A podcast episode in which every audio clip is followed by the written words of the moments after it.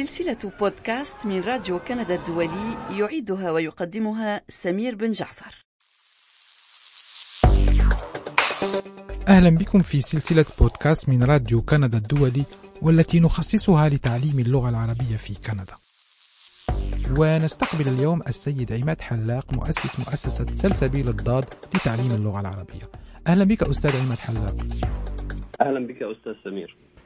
أستاذ عماد لماذا أسستم سلسبيل الضاد؟ عندما كنت في الجامعة لاحظت أن عددا كبيرا من الزملاء الجامعيين مهتمين بالتعرف على الثقافة العربية وكان هناك محاولات بدائية لتعليم اللغة العربية من خلال حلقات صغيرة لا تعتمد الأسلوب العلمي في تقديم اللغة العربية لذلك باعتباري كنت طالبا في الكمبيوتر ساينس. حاولت أن أقدم اللغة العربية بقالب جديد من خلال استخدام الوسائط المتعددة وكانت في عام 2000 شيئا يعني حديثا في ذلك الوقت. وباستخدام الوسائل التقنية من باوربوينت و HTML وكل هذه الوسائل. طبعا اقتضى الأمر أن أبحث في طرق تعليم اللغة العربية وأن أستفيد من الخبرات التي قامت بها مؤسسات التي تهتم تهتم بتعليم اللغة العربية لغير الناطقين بها والحمد لله بعد تقريبا 20 سنة في هذا المضمار أجد أن هناك ما زالت الحاجة قائمة لتعليم اللغة العربية وفق هذه المعايير التي تقدم اللغة العربية بطابع حديث متوافق مع العصر. إذا في هذه النقطة بالذات أستاذ عماد ماذا تعيبون على الطرق الأخرى للتدريس والمناهج الأخرى؟ بما أنكم تقولون أنكم تعتمدون على طرق جديدة. أول شيء كانت تقدم اللغة العربية بطريقة غير منطقية. مثلا إذا بدأنا من مستوى الحروف يبدأ بتعليم بضعة حروف ولنفرض أنهم بدأوا بألف باء تاء ثاء ثم لا يمكن قضاء الدرس كله في تعليم الحروف. لذلك ينتقلون إلى إعطاء أمثلة. من هذه الأمثلة أيام الأسبوع مثلا وهي الجمعة والخميس والأربعاء. لكن حرف العين لم يعطى بعد فأنت لا يمكن أن تعطي الطالب بشكل عام أو الطفل الحروف الأبجدية ألف باء تاء ثاء ثم تأتيه بكلمات فيها حرف العين والغين والضاء والياء فإذا لابد من تقديم العربية بطريقة منطقية. هذا لا ينسحب فقط على هذا المثال البسيط إنما هناك الكثير من الأشياء. بشكل موضوعي أكثر اللغة العربية تقدم بطرق تعليم نشأت بعد السبعينات وهي طرق تعليم التحليلية وهي طرق تعليم خاصة بالبيئات التي يتقارب فيها اللغة الأم مع اللغة الهدف. مثلا في ضمن الإطار المرجعي الأوروبي الذي تم إنشاء هذه الطرق تحت إدارته وهي ال Common European Framework of Reference of Languages كان هناك حاجة بعد أن الاتحاد الأوروبي ظهر إلى الوجود أن تقوم هناك أبحاث لتعليم الأوروبيين اللغات الأخرى لكي يستطيعوا التفاهم مع بعضهم البعض. وضمن هذا الإطار تم تسهيل طرق لتعليم اللغات. لكن للأسف أن هناك بعض الدارسين من العرب الذين ذهبوا إلى الغرب وتعلموا وأتوا بهذه الطرق لتطبيقها على اللغة العربية. طبعا هذه الطرق تعتمد على بيئة الانغماس الكامل وثانيا هذه الطرق أيضا تعتمد على التقارب بين اللغة الأم واللغة الهدف. يعني إذا كان هناك شخص فرنسي يريد تعلم الإسبانية أو الإيطالية فهذه الطرق تنطبق عليها. لكن في حالتنا نحن أولا لا توجد بيئة للانغماس الكامل للطالب الذي يود دراسة العربية. نعم. ثانيا لا يوجد تقارب لأن الأطفال أو الكبار الذين يتقنون اللغة الفرنسية مثلا ويريدون تعلم اللغة العربية هناك فارق كبير بدءا من الكتابة من اليمين إلى اليسار بدلا من اليسار إلى اليمين وانتهاء بالألفابت وكثيرا من مفردات طبعا مختلفة. عندما نقول bonjour buongiorno في الإيطالي لا يوجد هناك فرق كبير فتسهل استخدام الطرق التحليلية هذه. أما عندما يكون الفرق بين bonjour وصباح الخير هناك فرق شاسع. لا يمكن استخدام هذه الطرق إلا إذا عوضنا عن ذلك بكمية كبيرة من الوقت. وطبعا نحن نعرف أن الطلاب هنا لا الصغار ولا الكبار لديهم الوقت 30 ساعة في الأسبوع لكي يكرسوه لتعلم اللغة. ولذلك يعني مراجعاتنا لهذه الطرق وهذه الوسائل التي تستخدم تنطلق بدءا الأمثلة البدائية وتدخل حتى العمق في طرق التعليم نفسها التي لا توافق تعليم اللغة العربية لغير الناطقين بها في بلد تمثل به الجالية وأبنائها أو الراغبين في تعلم اللغة العربية يمثلون أقلية لا يجدون بيئة لتعلم اللغة العربية لا أكاديميا ولا شعبيا على المستوى الشعبي لممارسة هذه اللغة مع الشعب. ولذلك كان وجود سلسبيل الضاد ضروريا لردم هذه الفجوة وتقديم بدائل على قدر طاقتنا طبعا. نحن لسنا ممولين من أحد ولكن على قدر طاقتنا لكي نمكن ونسهل تعلم اللغة العربية. أنتم كأنكم تنادون بالقيام بثورة في تعليم اللغة العربية. هل استطعتم تصدير هذه الطريقة أو نشرها خارج مدرستكم؟ نعم على المستوى الأكاديمي نحن نعمل أكثر من المستوى الشعبي. طبعا أول شيء في المستوى الأكاديمي ثم أجيبك في المستوى الشعبي أو المستوى التطبيقي. بدأت بعمل منهاج مؤلف من عشر مستويات نبدأ فيه من الصفر الطالب الذي لا يعرف الأبجدية ونتدرج حتى المستوى العاشر حيث ندرس فيه العروض والشعر. ولكي يستطيع الطالب أن يتفهم أن هذا البيت مكسور مثلا أو أن هذا البيت سليم وفق بحور الشعر الستة عشر. ثم رتبنا مواضيع قواعد اللغة العربية بطريقة منطقية. فنحن لا يمكن أن مثلا أن ندرس الجملة الإسمية قبل أن نعرف ما هو الفرق بين النكرة والمعرفة. ما نعم. هو الفرق؟ ثم بعد ذلك بين المذكر والمؤنث. ثم بعد ذلك ما هي المعارف ثم بعد ذلك نستطيع أن ننتقل إلى تعريف الجملة الإسمية. وبالتالي يعني أحيانا المحاولات السابقة كانت تتجاهل أن توضع القواعد ضمن سياق تسلسلي سلس ينتقل من السهل إلى الصعب ومن الأساس إلى الفروع، ثم بعد ذلك استخدمنا مبدأ وهو يسمى Visual Arabic اللي هو تقديم كل ما يتعلق بالقواعد اللغة العربية بطريقة مرئية مرسومة بشكل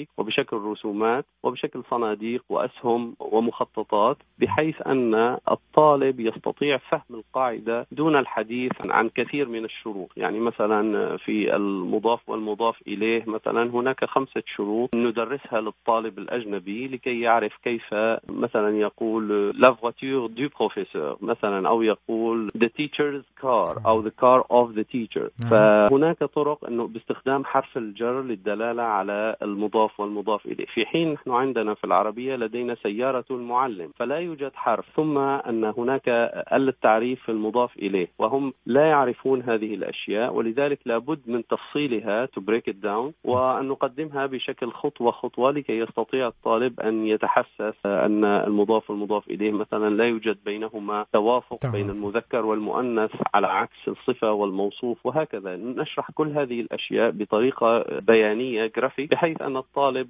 لا يهم كم عدد المفردات التي يتقنها. قد يجتمع عندنا في الصف طالب لديه مثلا 300 كلمة بمفردات العربية التي يعرفها وطالب آخر عنده 600 كلمة. طبعا هذا ينعكس على الأمثلة التي يستطيع الطالب أن يشكلها أو لو طلبنا منه أن يعمل واجب وظيفة شكل جمل فيها مضاف ومضاف إليه لا شك أن الطالب الذي لديه مفردات أكثر يستطيع نعم. تقديم أمثلة أكثر نعم. ويستطيع أن يفهم أكثر لكن بنفس الوقت له الحق بأن يتعلم القاعدة بغض النظر عن مستوى المفردات لأن هناك يجب التفريق بين مسؤولية المعلم ومسؤولية الطالب مسؤولية الطالب هي في عدد المفردات وقدرات التي وجد فيها خلق فيها كل إنسان تختلف من إنسان إلى آخر فبعضهم يحفظ كثيرا بعضهم يحفظ قليلا. لكن لا يمكن أن يتم فرز الطلاب القليلين الموجودين بناء على السن وبناء على عدد المفردات وبناء على معايير أخرى. لذلك يعني هذا هذا مهم أن نجعل القواعد منفصلة عن عدد المفردات التي يعرفها الطالب لكي لا يعاني. طبعا نحن أوضعنا جدول للمعادلة والتوفيق بين أنظمة قياس تعلم اللغة العربية للناطقين بغيرها. اعتمدنا أيضا مبدأ الاستخدام الأصغري للذاكرة لأن عدد كبير من الذين يرغبون بتعلم العربية هم من الذين تجاوزت أعمارهم 18 سنة. طبعا هؤلاء يكونوا منغمسين بالعمل وغير متفرغين للتعلم. لذلك لا نطلب منهم كمية كبيرة من الوقت. نحن نعرف أنه أحيانا الطالب لا يستطيع تكريس أكثر من ساعتين في الأسبوع. ولذلك نحن أمام اختبار قاسي لتعليم اللغة العربية وغالبا هؤلاء الذين يخصصون وقتا قليلا يعني تطول فترة التزامهم لكي يصلوا إلى مستويات متقدمة. أما الذين يخصصون وقت أكثر فيكون تقدمهم أكبر. ثم بعد ذلك استخدمنا الفيديو مثلا multimedia يعني كل الوسائل الحديثة لكي نتواصل مع الطلاب. طبعا لا يمكن أن نأتي بالطالب مثلا مونتريال مدينة كبيرة لا يأتي يمكن أن نأتي به من بعد 40 كيلومتر عدة مرات في الأسبوع لكي يحضر المحاضرات. فكان لابد أنه مثلا يحضر مرة واحدة ثم نتواصل معه بالفيديو. نعم. هو نفس الفيديو الذي كنت يعني أستخدمه لتدريس طلاب آخرين حتى في أوروبا في نيويورك في أمريكا في كل مكان بدأنا باستخدام التواصل عن بعد في عام 2006 نعم. ثم ذروة أعمالنا كانت من خلال وضع نظام المعادلة والتوفيق بين أنظمة قياس التعليم العربية سواء كان معايير المجلس الأمريكي لتعليم اللغات الأجنبية اللي هو ال American Council of Teaching of Foreign Languages أو الإطار المرجعي لتعليم اللغات الأوروبية اللي هو Common European Framework of Reference for Languages. وكان المعيار التي الذي استخدمناه يتفوق على كلا الاثنين لأن هذين المعيارين وضعا أصلا لتعليم اللغات الأجنبية بشكل عام دون تخصيص للغة العربية في حين أننا في معيارنا الذي سميناه معيار سلسبيل يقوم بأخذ خصائص اللغة العربية التي منها أهمها الاشتقاق وقابلية توليد والاشتقاق في اللغة العربية. وهي أشياء ليست موجودة أصلا في اللغات الأجنبية ولذلك لا نعيب عليهم أنهم لم يأخذوا بها ولكن نحن من خلال اهتمامنا بتعليم اللغة العربية نجد أن إدخال هذه المعايير يساعد في تصنيف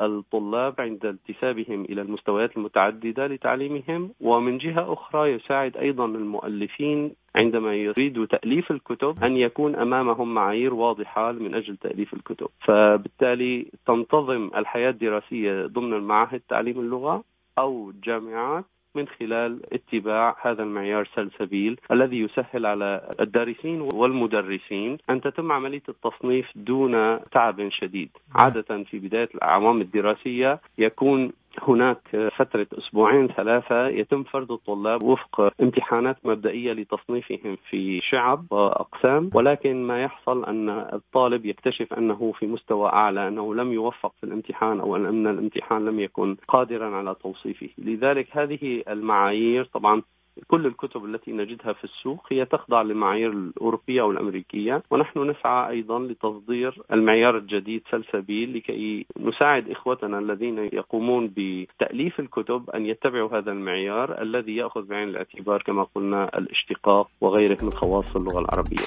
لنعود من فضلك أستاذ عماد حلاق للطلبة الذين يدرسون عندكم بماذا يتميزون؟ في البداية عندما كنت أدرس في كونكورديا وذلك امتد منذ January 2001 قبل أحداث سبتمبر إلى عام 2016 كان معظم الطلاب الذين ندرسهم هناك عبارة عن كنديين بسبب احتكاكهم بزملائهم العرب بشكل عام. تتولد عندهم رغبة لتعلم اللغات وهنا الشعب الكندي بشكل عام يحب أن يكتب في ال CV أنه يعرف أربع لغات أو خمس لغات مثلا وهذا يعتبر من دلائل الذكاء. فترى أن هناك فضول لتعلم اللغات ووجود من يدرس العربية بطريقة حضارية وسريعة وحديثة هذا يشجعهم بدلا من دراسة العربية عن طريق حفظ ألفية ابن مالك نعم. والتي كانت هي أسلوب جيد في القديم لأن الشعر كان كما الموسيقى اليوم فكان الناس يحفظون الألفية فتساعدهم على تذكر القواعد. أما اليوم فلا يمكن لشخص يريد تعلم العربية من العرب أو غيرهم أن نقول له أنك يجب أن تحفظ ألفية ابن مالك. إذا هذا كان جزء من الطلاب هم الكنديون الذين يشعرون بالفضول لتعرف نعم. على اللغة العربية. هناك أيضا الطلاب الذين يأتون من بلدان إسلامية من مثل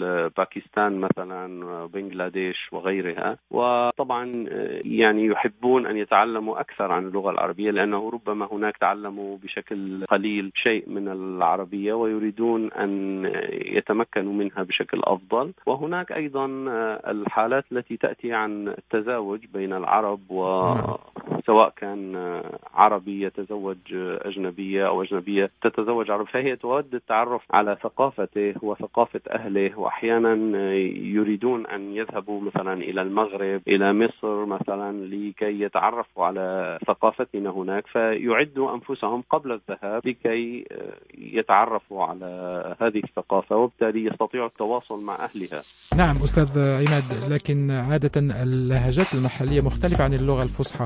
كيف يمكن لتدريس اللغة العربية الفصحى أن يحل هذا المشكل؟ نحن نقول للطلاب أنك لو تعلمت لهجة معينة فإنك تحد نفسك بالتواصل مع أبناء هذه اللهجة. أما بالنسبة لنا. اللهجات طبعا هي لهجات شفوية غير منطوقة وبالتالي سيصعب عليك. يعني ستجد ربما كتاب واحد يتكلم عن لهجة معينة أما نحن عندما تتكلم بالفصحى أو تتعلم الفصحى سيكون بإمكانك. نحن ندرس الشيء الذي يسمى Modern Standard Arabic وبالتالي ليست لغة مقعرة أو قديمة. نحن ندرس اللغة العربية في مفرداتها السهلة البسيطة التي تستخدم بشكل يومي في كل وسائل الإعلام. وبالتالي هذه اللهجة أو هذه اللغة تتيح للطالب أن يتواصل مع كل العرب في كل البلدان العربية, البلدان العربية. وهذا يشجعهم على أن يختاروا الفصحى على اللهجات التي لا يوجد لها مراجع وهي شفوية وتختلف من مدينة إلى مدينة وقد تختلف أيضا بين حي وحي ضمن المدينة نفسها. إذا أستاذ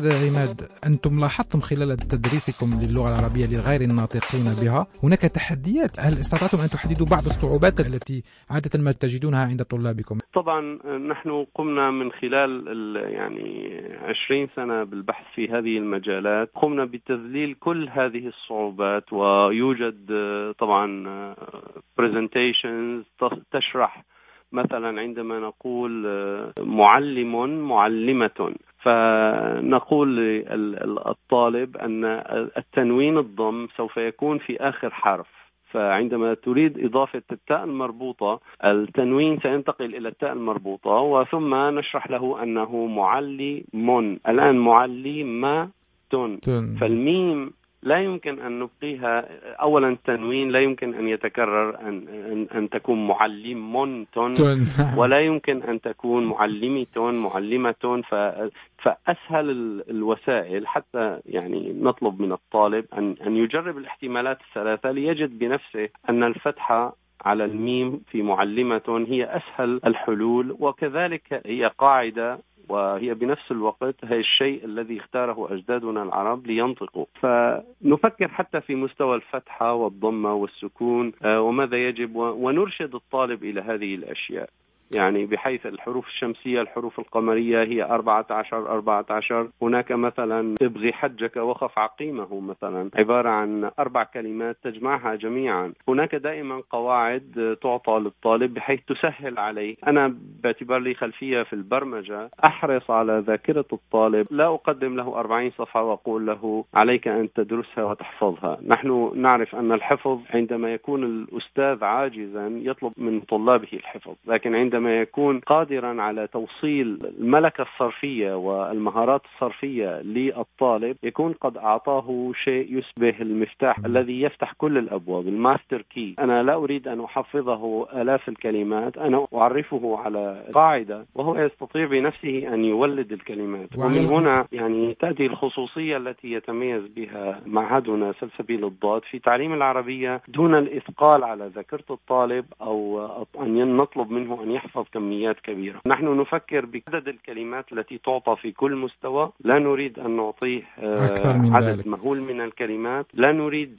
أن نخدع الطالب بأن نجعله يستخدم ذاكرة قصيرة الأجل short term memory كما يفعل أحيانا أنه يعطى الطالب نصا بسيطا ويطلب منه إعادته ثم يجد نفسه بعد شهر قد نسيه نحن نهتم بما هو عدد الكلمات التي تعطى في كل مستوى مثلا في المستوى الأول 140 كلمة في المستوى الثاني تصل إلى 350 كلمة وهكذا بحيث أن الطالب يشعر أنه أخذ الجرعة التي لا تشعر يشعره بالغرق في متاهات اللغة العربية. إذا أنتم تعطون للطالب خوارزميات اللغة أكثر من تحفيظه اللغة. نجعله في نفس الموقع الذي يستطيع به أن يتعلم لغة كل عربي. نفس الآليات التي نحن أسهل علينا بحيث ونترجم له ما لا يستطيع أن يدركه بنفسه. ثم أننا في عام 2008 يعني ثمانية أعوام من بدايتنا بدأنا نفكر بتصدير هذه المعرفة لعالم الأطفال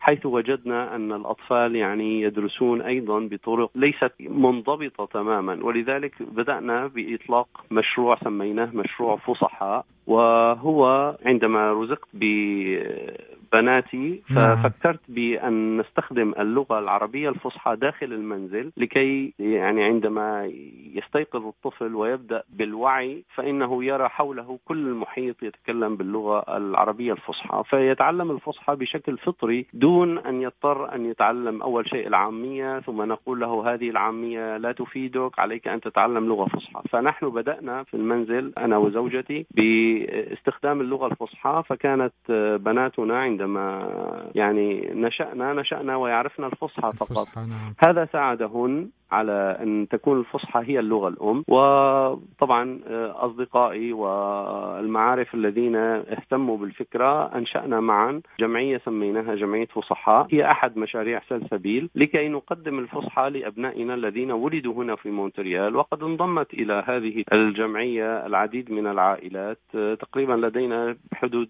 40 طفل. نعم. كلهم ولدوا هنا في مونتريال ولم يسافروا إلى أي بلد عربي ولكنهم مع ذلك يستخدمون اللغة الفصحى داخل بيوتهم ويلعبون بالفصحى يحلمون أحلامهم بالفصحى.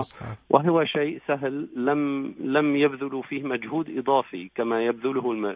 يعني الكبار والبالغين. عندما يريدوا تعلم الفصحى يبذلون مجهود كبير. أما الأطفال عندما نشأوا هكذا في بيئة فصحى فتجدهم يعني تعلموها بدون أي جهد. وهذا ربما يكون هدية نقدمها نحن الآباء إلى جيل الأبناء لتجاوز العامية. وطبعا عندما يكبرون نعلمهم العامية كلغة ثانية يعني لكي يستطيعوا فقط فك رموز بعض المسرحيات أو الأشياء التي تنشر في الميديا لكي يستطيعوا التوافق معها. لكنهم لا يحتاجون إلى ذلك لأن معظم الأشياء التي يعني لها وزن ثقافي ووزن علمي وأوراق البحث العلمية كلها تكتب بالفصحى ولذلك نعم. لهم لا يبالون كثيرا آه، بالأشياء الأخرى العامية باعتبار هذا قيمة أدنى وهم يتدبرون أمرهم بشكل جيد، طبعا هم ناطقون بالإنجليزية والفرنسية بشكل ممتاز وبدلا من العامية العربية هم يستخدمون الفصحى وبذلك تتراجع العامية عندهم إلى اللغة الرابعة نعم. آه، وهم يتقنون بعضا منها ولكنها كما قلت آه، ليست مهمة بقدر الفصحى. شكرا لك أستاذ عماد حلاق، أذكر أنك مؤسس مؤسسة سلسبيل الضاد لتعليم اللغة العربية التي يقع مقرها في موريال، شكرا لك. شكرا لك أستاذ سمير.